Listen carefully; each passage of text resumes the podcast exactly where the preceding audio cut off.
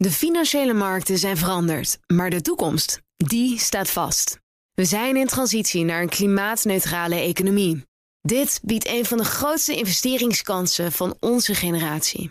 Een kans voor u om mee te groeien met de klimaatoplossingen van morgen. Meer weten? Ga naar carbonequity.com. Carbon Equity. Do good by investing better. BNR Nieuwsradio. BNR Zaken doen. Thomas van Zeil.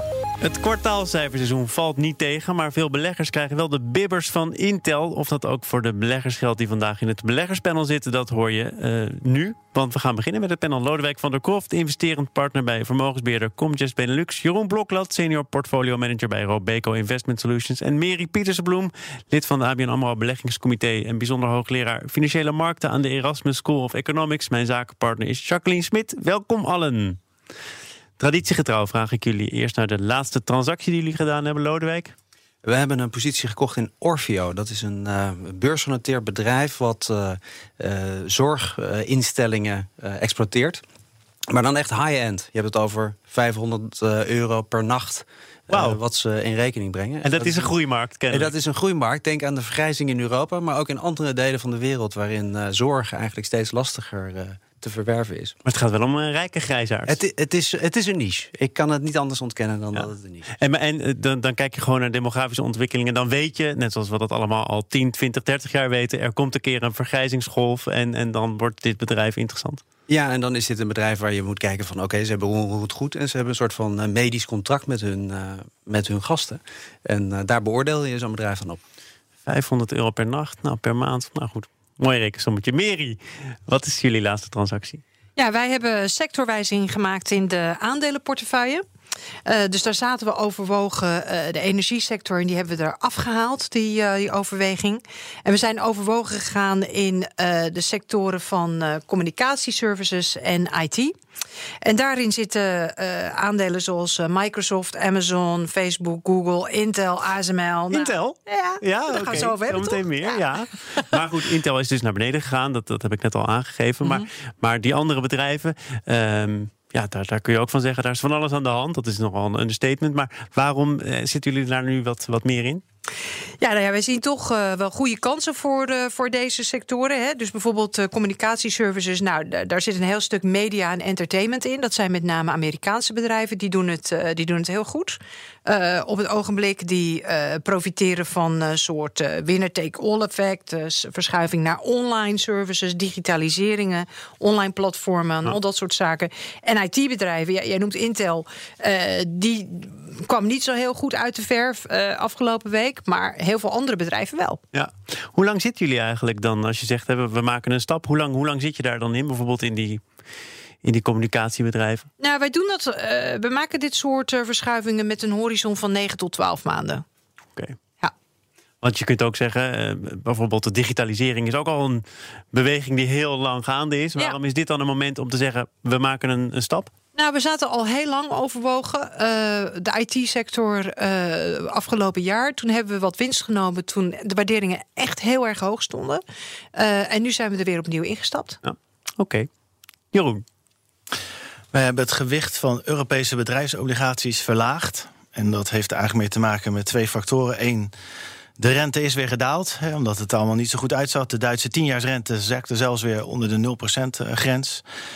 Ja, we verwachten toch dat er iets van herstel, al zal het voorzichtig zijn. Nou, van, vanmorgen zagen we dat al Europese GDP-cijfers beter dan verwacht. Dus die rente kan wel iets omhoog. En verder, als je ook kijkt naar de spreads, hè, dus hoeveel extra rente je krijgt.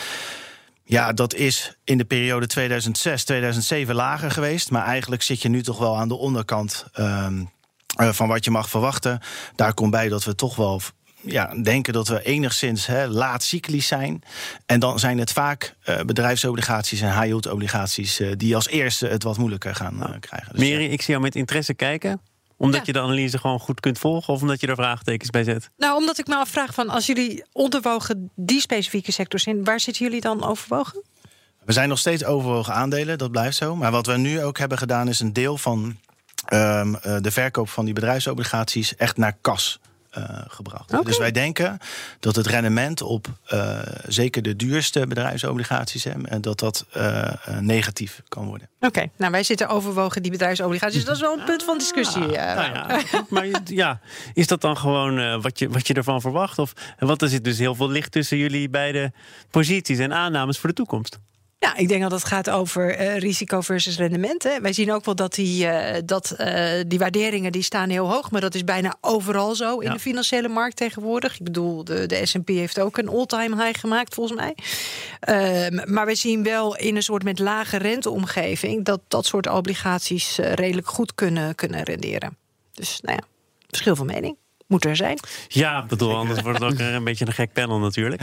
Eh, eh, Jacqueline, misschien heb ik het jou al een keer gevraagd, maar zit jij goed op de beurs of niet? Nou ja, ik zat net te denken, omdat ik Microsoft hoorde vallen. Mijn laatste transactie waren het verkoop van mijn eh, Microsoft-aandelen. Want jij zat daar in de directie. Ik zat voor daar in de die directie. Ik heb het gemist idee dat ik ze beter iets langer had kunnen aanhouden. Eh, en dat vroeg ik me dus ook meteen af. Want hoe beoordeel je dat dan? Ik ben weggegaan zeg maar rond 2013. Toen stond het al hoger dan toen ik kwam. Ja. En dan nog maakt het zo'n vlucht. En gaat het dan nu... Weet je, hoe, hoe, hoe beoordeel je dat terugkijkend? Ja, dat, dat, is, dat is natuurlijk een hele lastige vraag. Hè? Want wanneer is een markt verzadigd? Dat is wel Eh, de vraag, toch? Ja, dat, is ook, ja, dat klopt. En daar moet je natuurlijk wel een, een, een, een mening over, eh, over vormen. Hè. Een van die aandelen, Google bijvoorbeeld, deed het niet zo goed... omdat ze maar 15% groei vertoonden in hun eh, advertising business. En dan denk ik, maar 15%. Bijna niemand dat is maakt meer, nu 15% plus in Precies, dus wat Ja. heb je dan te klagen? Ik denk dat, eh, als ik daar iets aan zou mogen opmerken... eh, Eh, heeft het afgelopen jaar ongelooflijk veel beter gedaan... dan menigeen had verwacht, denk ik. En dat Ja. had met name met de cloud services te maken... waar ze enorm groot eh, in zijn geworden. En ik denk dat Amazon en, en Microsoft daar een hele belangrijke rol in vervullen. En je ziet dat Google zeg maar, problemen heeft om, om daarop aan te haken. En ik vrees dus inderdaad dat je met, eh met had benefit moeten of hindsight... dat je had moeten wachten. Denk je dat vaak? Ja, dat, denk, je die- ja, dat denk ik wel, ja. ja. Ja, maar dat is dus een beweging met, met aandelen. Is, toen al was het best hoog. En eh, we dachten, nou, toen zaten ze nog in Windows, hè, software. Er waren de cloud services en Azure waren nog niet, eh, nog niet binnen. Ja, en dan denk je, nou, ik verkoop. Nou, en dat had ik dus niet moeten doen. Ja, goed. Hey, Miri, je zei het al, hè, de S&P 500 tikte van de week een nieuwe recordstand aan. De AEX staat op een steenworp afstand van de hoogste stand in 2018. Ehm, dat heeft misschien te maken met kwartaalcijfers. Of zeg je, ja, misschien rechtvaardigen die cijfers die hoge standen helemaal niet, Lodewijk. Nou, ik denk dat markten wel een klein beetje vooruit zijn gelopen op, eh, op de cijfers. En je ziet dat als bedrijven nu met cijfers komen die aan de onderkant van verwachtingen zitten, of zelfs daar nog onder zitten, eh, dat koersen dan ook wel een eh, kleine slag terug kunnen maken. Dat hebben we bij Intel afgelopen vrijdag gezien. Vandaag krijgen we cijfers van Apple. Ehm, punt bij Apple is dat die in januari eigenlijk toen met eh, vrij slechte eh, cijfers kwamen. En met name die iPhone-discussie. dat ze stopten met het eh, vermelden van Oh, ja. hoeveel iPhones eh, ze zouden En verkopen. omdat ze daar te afhankelijk van zouden zijn. En dan zou blijkbaar ook echt aan, de, aan het licht komen hoe kwetsbaar Ja. Apple is. Eh, en dat ze zich meer op services wilden gaan richten en dergelijke. En daarom niet meer over die, over die losse units zouden gaan eh, communiceren. Dus daar liggen de verwachtingen niet zo heel erg hoog eh, voor. Maar voor heel veel partijen liggen die verwachtingen wel vrij hoog. En dat maakt dat de markt toch wel kwetsbaar is voor slecht nieuws. Ja. Ja, maar goed, voor een, voor, een, voor een belangrijk deel zijn de wat, wat mindere cijfers toch ook al iets waar je rekening mee kunt houden. Als je kijkt naar de cijfers in bijvoorbeeld Amerika. Ja, en ik, ik vind eigenlijk dat eh, het cijferseizoen eh, niet zulke heel slechte cijfers heeft opgeleverd. Hè. Ik bedoel, 80% eh, van de gerapporteerde cijfers in, in de Verenigde Staten is boven de verwachting uitgestegen. In Europa is dat lager, dus dat is 50, eh 50%. Dus daarom zitten wij ook onderwogen Europa en, en overwogen Amerika bijvoorbeeld. Maar ik, over het algemeen niet zo heel slecht. Ja, ik kan me nog heel goed herinneren dat we twee maanden geleden hier ook stonden. En toen hadden we het over die cijfers. En hadden jullie de taxaties hadden verlaagd. Omdat je dacht van nou, hè, dat cijferseizoen eh, in het eerste kwartaal... dat gaat eerder wat zwakker zijn. Ja. En nu zie je, doordat je je eigen verwachtingen hebt bijgesteld... dat het Ja, dat is. steeds positief mee kan vallen. En zo werkt het nou eenmaal op de beurs. Als je verwachtingen maar laag genoeg zijn... dan kan alles positief uiteindelijk zijn. is, is de, wat dat, dan, dan hou je jezelf ook een beetje voor de gek, toch? Nou, nee, dat is het niet zozeer. Het, het gaat er uiteindelijk ook om dat je, je probeert aannames te doen voor de toekomst. En als je blijkt dat je aannames te conservatief zijn, dan kan het heel goed zijn dat die waardering waarvan je in eerste instantie dacht, hé, hey, die is een beetje aan de hoge kant, dat je moet constateren, net als bij Microsoft. Eigenlijk was Microsoft helemaal niet zo goedkoop of eh, niet zo duur toen ik het verkocht. Ja. Jeroen, ik heb jou hier nog niet over gehoord. Ehm, 80% Ik van. geef je even de beurt, merk Ja, ik. ja, dankjewel. ik nee, dus, dus het is zo dat de Amerikaanse bedrijven het beter doen. Hè? Dus dan heb je dat, eh, dat, dat verhaal over die verwachtingen. Dus als je maar laag. Kijk, een CEO zal altijd de neiging hebben om iets te laag te gaan zitten. hè. Dat is, dat is denk ik wel bekend. Als je kijkt naar de gerealiseerde winstgroei, hè, dus echt het cijfer, dat is 5%. En dat is eigenlijk in alle regio's vergelijkbaar. Terwijl als je de eh, groeivertraging ziet, had een negatieve eh, winstgroei van één of twee kwartalen achter elkaar, had in het vooruitzicht gelegen. Zeker buiten de Verenigde Staten, waar die groei ook een stuk minder is. En dat zie je nu niet. Dus nog even afgezien van conservatieve schattingen, om, om jezelf niet al te rijk te rekenen, zie je ook gewoon dat de winst ja, is, is gewoon een meevaller. Nou ja, de winst gaat nog omhoog. En nog belangrijker, de winst per aandeel gaat omhoog. En dan kom je dus in het, in het, in het eh, eh, ehm, gebied van de waarderingen. Hè. Dus eh, stel dat er helemaal niets zou gebeuren en jouw winst stijgt 10%, zou dat, als je de waardering gelijk houdt, hè, dus ook een prijsstijging van dat aandeel kunnen. En dat is wat, wat mij opviel, dat die macro-economische groeivertraging is iets steviger en langer dan we verwachten. Maar de, de, de winstcijfers nou, zijn nog steeds redelijk. En zeker gezien wat we hebben gezien. En ik denk dat dat veel beleggers meevalt. Ja, toch nog even dan eh, al vaker nu aangehaald, maar nog niet echt goed besproken. Intel, eh, toch bijna 10% eraf. Mary, wat was daar dan de belangrijkste verklaring voor? Nou, ik denk dat je gewoon per bedrijf, maar belangrijker nog per sector, eh, dat je hele grote onderlinge verschillen ziet. Hè? Dus eh, ja, bij Intel specifiek en, en ook een bedrijf als Samsung, dat gaat heel erg over de voorraden die ze hebben aangemaakt. Eh, en, en dat drukt natuurlijk de prijs. En daar was Intel wat, wat, wat conservatiever over in zijn uitingen dan bijvoorbeeld een Samsung. En dat zie je dan gereflecteerd in, in de prijs van, van het aandeel. Maar ik denk dat belangrijker nog moet je gewoon meer kijken op, op sectorniveau. Zo'n IT-sector en eh, communicatieservices, die doen het gewoon heel goed. Maar is het toch wel cyclisch of niet? Ehm, deels, is dat cyclisch, maar deels heeft dat ook heel erg te maken met de trends in de samenleving. En daar wil ik ook bijvoorbeeld bij noemen dat eh, bedrijven in de gezondheidszorg, die, die, die doen het op het ogenblik heel erg slecht. Ehm, en dat heeft ook te maken met bepaalde trends in de politiek of in, eh, die specifiek voor die sectoren gelden. En, da- en dat is denk ik het woord, is dat je gewoon niet alleen moet kijken naar prijs van aandelen in zijn algemeenheid, maar ook heel selectief moet zijn op deze niveaus van, eh, van waardering. BNR Nieuwsradio. Zaken doen. Het beleggerspanel is de gast in BNR Zaken doen, bestaande uit Jeroen Blokland, Mary Pietersen Bloem en Lodewijk van der Kroft. Mijn zakenpartner is Jacqueline Smit en we gaan het hebben over China. Het was vorige week even schrik op de Chinese beurs. Na maanden van winst stond er ineens een min van 6% op de borden. En daar komen deze week nog de cijfers van een aantal grote Chinese banken overheen. China is al vaker besproken eh, in dit panel, maar nog nooit vergeleken met spinazie. Miri, jij deed dat eh, pas geleden wel in een stuk. De spinazie die je van je moeder verplicht moest eten. Je zegt nu ook China is verplichte kost. Chinese aandelen zijn misschien wel verplichte kost. Kun je het nog even iets nader toelichten? Ja, dat, dat, heeft, eh, dat is natuurlijk het verhaal dat, eh, dat China eh, met grote mate van succes zich steeds meer in de beleggingsindexes vertegenwoordigd ziet. China is, is heel groot. Als economie zijn is het heel groot. En dus ook worden dit soort beleggingen van buitenlandse investeerders in China mogelijk heel groot. Dat is precies wat China natuurlijk wil. Want die wil eigenlijk zijn kapitaalmarkten openen, maar die wil volgens mij ook het risico eh, daarin spreiden onder eh, buitenlandse beleggers. Maar ik heb het stuk gelezen. Ik had niet het idee dat je als kind een groot spinazieliefhebber was. Nee. Ben je nu dan ook geen liefhebber van Chinese aandelen? Eh, nou, ik denk dat je een onderscheid moet maken tussen aandelen en, en obligaties. Omdat ik denk dat als je een aandelenpositie inneemt, je eigenlijk altijd, nou ja, dat je ervan uit kan gaan dat je er niks voor terugkrijgt als zeg maar partijen failliet gaan. Dus die rechtszekerheid is, is nul. Ja, dat, dat is in feite de gok die je neemt. Hè. Je neemt eh, de gok op, eh, op, op, het, op de economische groei en dat gaat of goed of dat gaat fout. Eh, ja. maar bij een obligatie ga je uit van een, een zekere herstelpremie van, van 40% En, en dat is denk ik een heel lastig verhaal. Want dan moet je je geld in China gaan terughalen. En dan, moet je, dan valt nog maar te zien wat je rechtspositie daar is. En Ja. ik denk ook dat wat fundamenteel hier is, is dat eh, China uiteindelijk toch een economie is die gebouwd is op een hele grote berg schuld. Waar ze tot voor kort iets aan wilden doen. Maar dat voornemen is een beetje veranderd en van de agenda verdwenen. Nee, dat denk ik niet. Als je het laatste zes jaren plan ziet, dan, eh, dan willen ze zeker die schuld wel eh, terugdringen door hun economie om te vormen. Maar ze willen ook, ze willen ook stimuleren. Maar Lodewijk? Ja, kijk, die, die discussie over die schuld in China, die eh, hoor ik al eh, heel erg lang. En ik begrijp ook waar die vandaan komt. Omdat die Alleen, schuld er ook al een tijdje is. die is er ook wel een tijdje en hij is ook gegroeid. Alleen het is wel een binnenlandse schuld.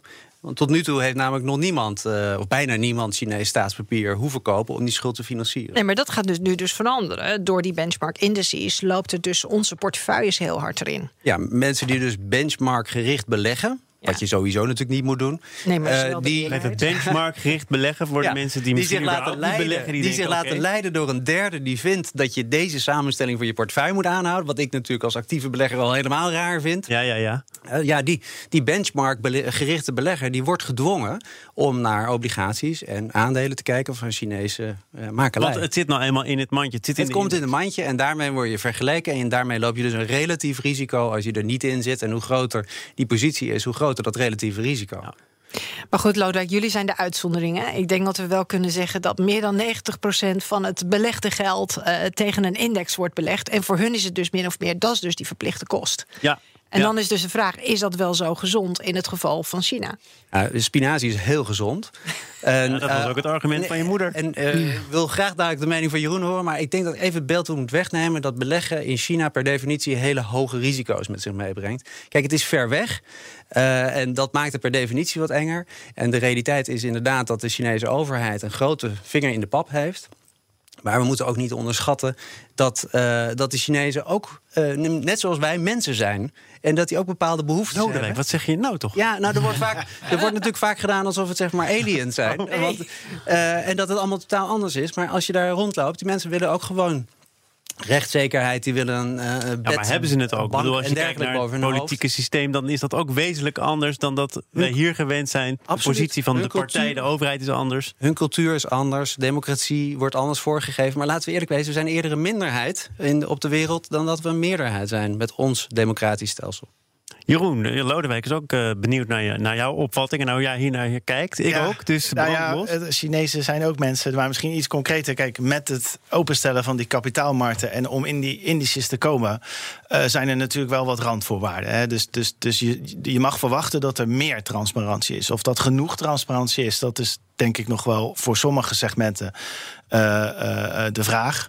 Ehm, ik vraag me soms wel af, hè, dat als ik dan naar landen als Italië kijk, hè, of Griekenland, is het daar dan zoveel beter? Het enige verschil wat China bijvoorbeeld heeft, hè, als het dan weer op eh, totaalniveau gaat, is dat China nog een nominale groei heeft van 19 procent. Dus als ze het voor elkaar krijgen, dat is de vraag, om dat een tijdje te remmen, dan is het op totaalniveau, eh, eh, deel je door 1,1 per jaar, terwijl in Italië is dat Ja. nul. Hè. Dus ik weet niet of het in Griekenland of Italië nu per definitie, en wat mij opviel, als ik dat nog even mag toegeven, dit Ja, is één Waar het dan heel vaak gaat over de schulden van de lokale overheden en de centrale overheid. Hè, die kan je dan wegstrepen.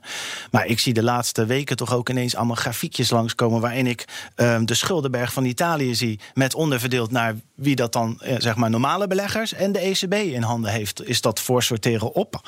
Dat is natuurlijk wel. ehm, ehm, die, die schuldenberg, als die te groot is, is per definitie zorgt dat voor een probleem. Amiri, als jij die twee landen, bijvoorbeeld Italië en China, tegenover elkaar eh, zet in de ring en je zegt wat zijn dan de grote verschillen en, en is er wel een wezenlijk verschil? Is dat verschil wat jou betreft? Ja, de verschil is heel wezenlijk. Want eh dat is ook wat jij net zei. Hè? Je, het hele systeem in China is gewoon heel anders.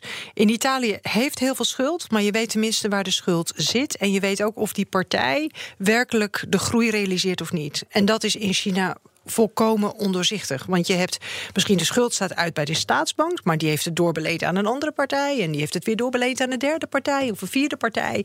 En het is, je weet gewoon niet wie jouw tegenpartij is. En dat is wat het gewoon heel erg lastig maakt. En waardoor de hele set van risico's een hele andere is als eh, voor een westers land. Nou, Jeroen, ja, je hoort het. Het Nou is ja, een, echt een andere, ander spel.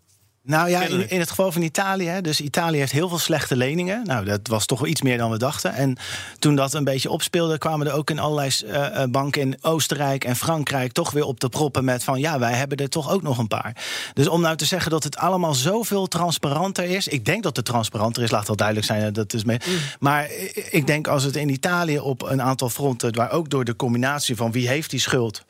Eh, niet helemaal goed zou gaan, dat er toch ook wel weer wat. Maar ook, ook Nout. Welling, die, die toch ook eh, be- betrokken is bij Chinese banken, die zegt: eh, ja, het, het risicomanagement. Is in China nog totaal niet op een westers niveau. Hè? Bijvoorbeeld als je ook kijkt. Dat geloof ik zeker, ja. Ja, precies. Eh, Dus als, als iemand die daar die echt onder die motorkap Nou. kan kijken, voor zover hij daartoe in staat is, zegt ja, we zijn nog niet zover. Ik weet dat hij dat gezegd heeft. En toen had hij het over de non-performing loans van Chinese banken. Waar hij natuurlijk als toezichthouder bij een Chinese bank eh, zicht op heeft. En dat is een, wel een probleem in het bankensysteem in China. Dat eh, er pas heel laat wordt overgegaan om schulden die niet worden geïncasseerd, waar geen aflossing of geen rentebetaling is geweest al drie maanden lang, als non-performing eh, aan te merken. En dat controlemechanisme is in Europa natuurlijk veel groter en veel sterker. En als je die cijfers met elkaar vergelijkt, dan eh, is beleggen in een Europese bank veel veiliger dan beleggen in een Chinese bank. Dat laatste zouden we per definitie nooit doen. Goed. Goed om te zeggen. We hebben het overigens nu veel over China. Je zou bijna vergeten dat er ook in Europa weer verkiezingen zijn geweest. Toch nog even om te kijken, is dat voor beleggers überhaupt interessant? Hè? Spanje, daar zijn de verkiezingen net achter de rug. De Europese verkiezingen die komen eraan. Gisteren nog weer een groot debat in Maastricht. Eh, moet je dat met een schuin oog in de gaten houden? Moet je daar juist al je aandacht op richten? Meri, hoe zit jij daarin? Nou, ik vind, dat, ik vind die verkiezingen in Europa wel belangrijk. Eh, als je kijkt bijvoorbeeld wat er met eh, Brexit is gebeurd en wat voor schade dat heeft eh, toegebracht met een golf van populisten die we hebben gezien in verschillende landen, hou ik dat wel. En, en ook de positie die wij hebben in Spanje in de portefeuille, overigens, hou ik dit soort dingen wel Maar, stevig in de gaten. Je, noemt de Brexit. Ik kwam vandaag op Twitter een citaat tegen van Rem Korteweg. Die is verbonden aan Klingendaal. Die zei: Brexit wordt chronisch en daardoor minder nieuwswaardig. Net als je zieke oud-tante die je te weinig opzoekt in haar flatje. Maar dat betekent niet dat ze geen impact op je leven kan hebben. Ja, is dat toch een beetje ook de, de, de, de, schokken die dat teweeg brengt... en ook die politieke gebeurtenissen teweeg brengen... ook op de beurs bijvoorbeeld... Nou, ik denk Dat dat, is je een beetje inderdaad. uitgewerkt. Ja, de, eh, uiteindelijk reageert de beurs vaak op schokken en niet op iets wat geleidelijk zeg maar, zich ontwikkelt. En wat dat betreft, eh, vlak voordat ik hier de studio in liep, zag ik dat er in Venezuela weer van alles en nog wat gebeurt. Nou, en dat is een schok. En dat zorgt er wellicht weer voor dat de olieprijs weer verandert. Maar Brexit heeft geen invloed op dit. Nee. Nou ja, je zou kunnen zeggen, politieke onzekerheid, dat is inmiddels zo constant geworden. De populisten, daar, daar hou je rekening mee. Moeilijkheden met het vormen van een regering, dat is in bijna ieder land aan de orde van de dag. Ja. Ja, dat je in. Ja, dat klopt. Ja, maar iedereen is ook natuurlijk totaal Brexit moe. In de eerste plaats de Engelsen zelf. Maar dat wil niet zeggen dat het niet minder belangrijk is. Nee, nee. Jeroen? Ja, ik denk Brexit wel. Hè, dus iedereen is moe. En deze verkiezing, ja, zelf vind ik ze iets. Je moet ze wel in de gaten houden. Maar het zijn ook nog hè, Spanje, Duitsland. Het zijn ook de landen waar dan je mag verwachten dat er eh, wat, wat minder grote uitspraken of bijzondere eh, uits- uitslagen of eh, verschuivingen zijn. Ja, totdat dat dan toch het geval is en dan komt de schok. Ja, het is wel een Europees model natuurlijk. Hè. Lekker altijd in discussies. elke keer een andere partij kiezen en dan hopen dat het weer goed komt. Dit was het voor vandaag, het beleggerspanel. Gevormd door Jeroen Blokland, senior portfolio manager bij Robeco Investment Solutions. Lodewijk van der Kroft, investerend partner bij vermogensbeheerder Comgest Benelux. En Meri Pieterse Bloem, lid van het ABN AMRO Beleggingscomité... en bijzonder hoogleraar financiële markten aan de Erasmus School of Economics. En dan was hier ook nog uiteraard mijn zakenpartner... niet meer in het bezit van aandelen Microsoft. Nee, nou, Jacqueline nadenken. Wel oprichter van Rockport Inc., net zo belangrijk. Dank voor je komst. De financiële markten zijn veranderd, maar de toekomst, die staat vast. We zijn in transitie naar een klimaatneutrale economie. Dit biedt een van de grootste investeringskansen van onze generatie. Een kans voor u om mee te groeien met de klimaatoplossingen van morgen. Meer weten? Ga naar carbonequity.com. Carbon Equity. Do good by investing better.